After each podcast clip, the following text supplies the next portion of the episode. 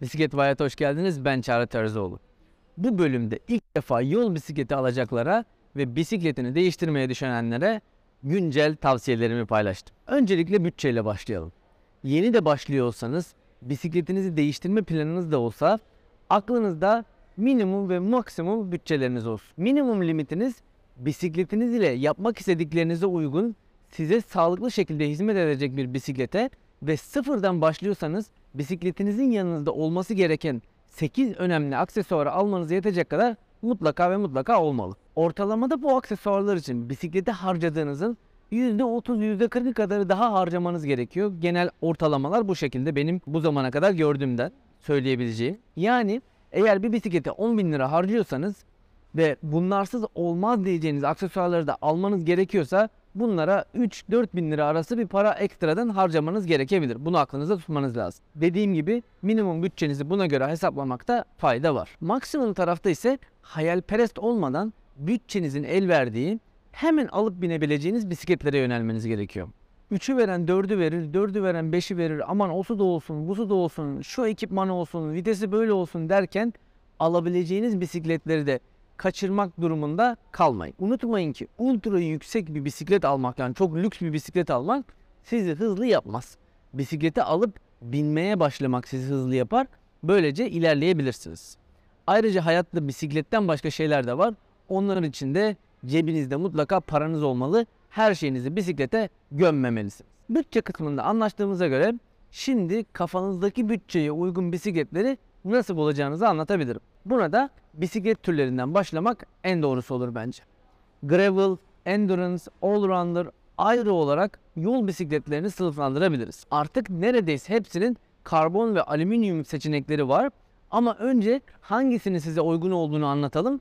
Daha sonra malzeme ve komponent kısmını zaten konuşuyor olacağız. Gravel bisikletlerle ilgili daha önce detaylı bir bölüm çekmiştim. Listenin başında onlar var. Özetlemek gerekirse her şeyi yapsın, her yere girsin çıksın, bir taşla 3 kuş 5 kuş vursun diyorsanız o zaman gravel bisikletler tam size göre. İster sıfırdan başlıyor olun, isterseniz bisikletinizi değiştirmek için yeni bir şeyler bakıyor olun. Gravel size keyifli ve konforlu bir bisiklet sürüşü mutlaka ve mutlaka sağlar. Eğer gravel bisikletlerle ilgili daha detaylı bilgi arıyorsanız bölümün açıklamasını bağlantılarda ve ilk e, sabit yorumda bulabilirsiniz. Sırada endurance geometriye sahip bisikletler var. Bunlar daha önce hiç spor geçmişiniz yoksa ya da mevcut olandan daha konforlu bir bisiklete geçmek istiyorsanız seçmeniz gereken türlerin başında geliyor.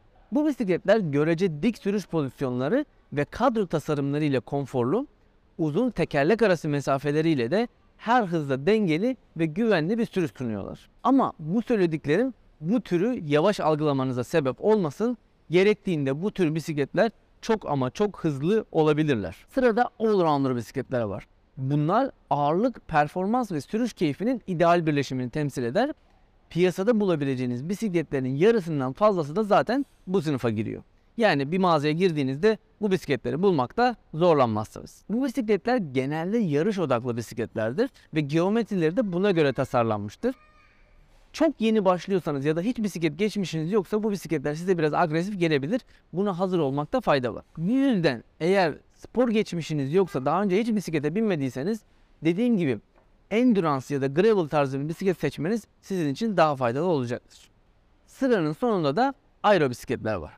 Bunları Tafkan yarış atı, süper spor otomobiller gibi düşünebilirsiniz.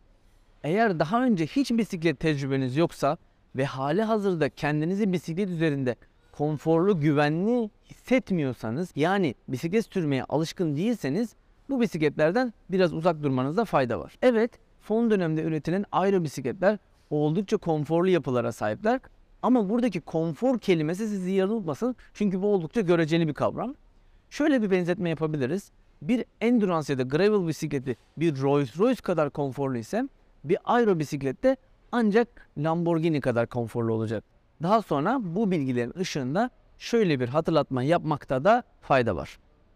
Bu türlerin arasında seçim yaparken geleceği değil şimdiyi düşünün. İleride yarışacağım diyerek bir allrounder ya da bir aero bisiklet alıp şu anda mutsuz olmayın. Şu anda mutlu olmaya, şu anda keyif almaya, bisikletinizi tadını şu anda çıkartmaya bakın. Ayrıca Türkiye'deki yapılan tüm yarışlara bu bisiklet türlerinin hepsiyle de gönül rahatlığıyla katılabilirsiniz. Zaten derece için yarışıyorsanız da aero ya da all-rounder bisiklet üstünde rahatsız olmayacak kadar tecrübeye ve fitness seviyesine de sahipsiniz demektir. Peki bu bisikletin malzemesi ne olmalı? Alüminyum, karbon, çelik, titanyum liste uzayıp gidiyor. Günümüzde çelik ve titanyum yükselişe geçse de ağırlıklı olarak alüminyum ve karbon bisikletleri dükkanlarda ve satış yerlerinde görüyoruz. Başlangıç seviyesi için alüminyum bir bisiklet her yönden yeterli gelecektir. Öteki bir iki illa karbon olsun dedi diye kendinizi zorlamaya hiç gerek yok. Mert Aydın'ın da yorumlarda dediği gibi en iyi bisiklet sahip olduğunuz bisiklettir. Bu yüzden bisikletinizi bir an önce edinmeye bakın. Burada her zaman şunu da söylüyorum.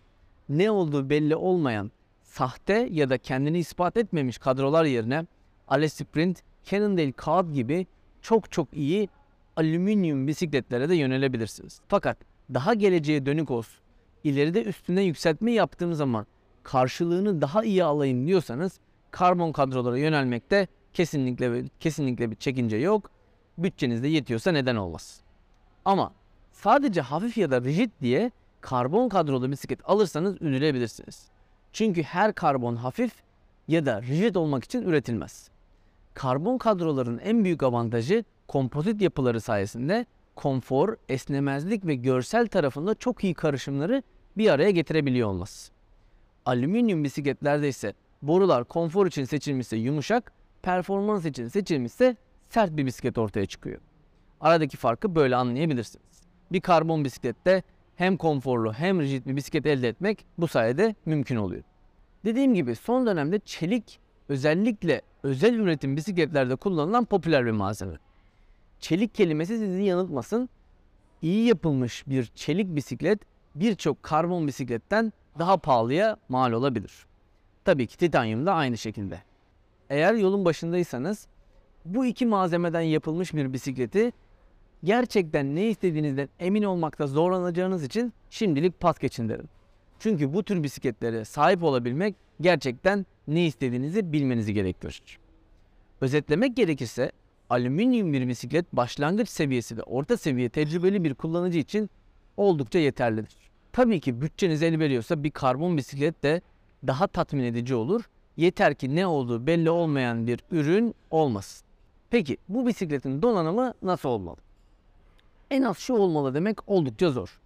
Fakat yol bisikleti için üretilmiş parçalarla toplanmış bir bisiklet olması tabii ki de en iyi seçim olacaktır. Bu durumda Shimano'nun Claris seviyesi en alt seviyede seçmeniz gereken bir grup set olarak karşımıza çıkar. Bana sorarsanız geleceğe yatırım olarak imkanınız var ise 17-11 vitesli hidrolik disk frenli donanıma sahip bir bisiklet satın almak şahane olacaktır. Elektronik mi, mekanik mi diye sorarsanız da bununla ilgili Shimano Durace'i incelediğim ve karşılaştırma yaptığım bir bölüm mevcut. Bunun bağlantısını da açıklamalara ve sabit yoruma bırakıyorum. Oradan açıp güzel güzel izleyebilir ya da dinleyebilirsiniz. Yine unutmamanız için tekrar ediyorum. Sizi hızlı yapan grup set değildir. Oranlar aynı olduğu sürece Tiagra'da Durace'de sizi aynı hızda götürür. Tabii ki aralarında hız, vites geçişlerinde farklar olacaktır ama minimum ve maksimum hızlarda çıkışta size farklı bir his yaratmayacaktır.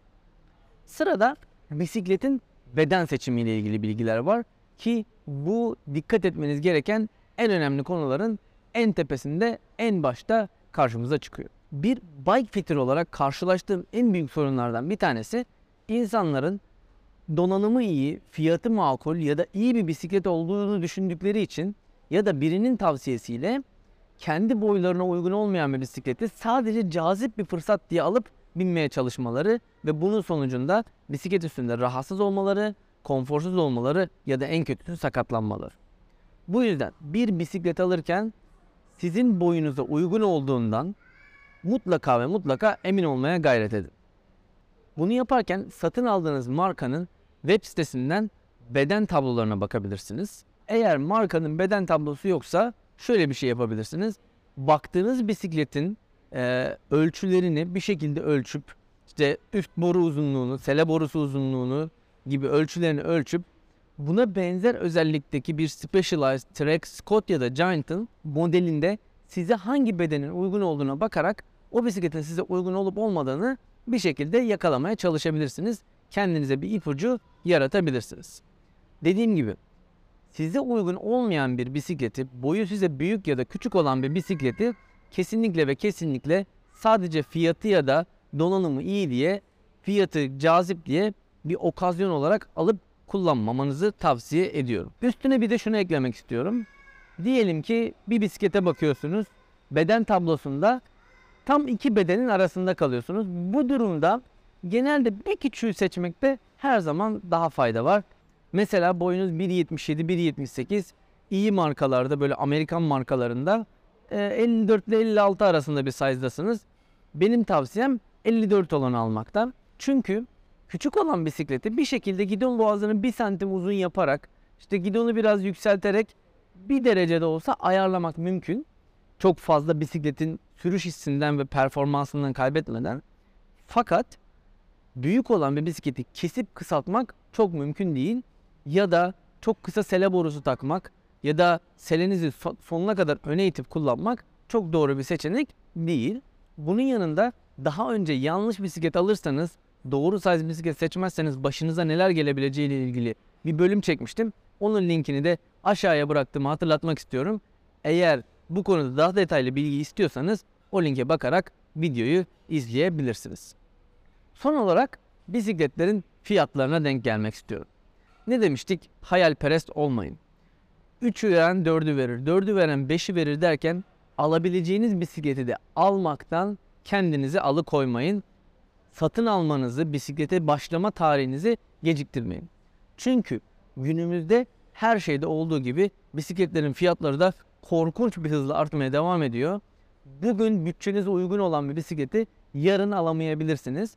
Bu sadece Türkiye'de değil, dünyanın her yerinde aynı şekilde gerçekleşmeye devam ediyor. Bu yüzden türü size uygun, bedeni size uygun, rengi gözünüze hitap eden, malzemesi ve donanımı bütçenizin el verdiği bir bisiklet bulduğu zaman bana sorarsanız çok da gecikmeden hemen alıp bisiklete binmeye başlamalısınız. Evet, bu bölümün de sonuna geldik.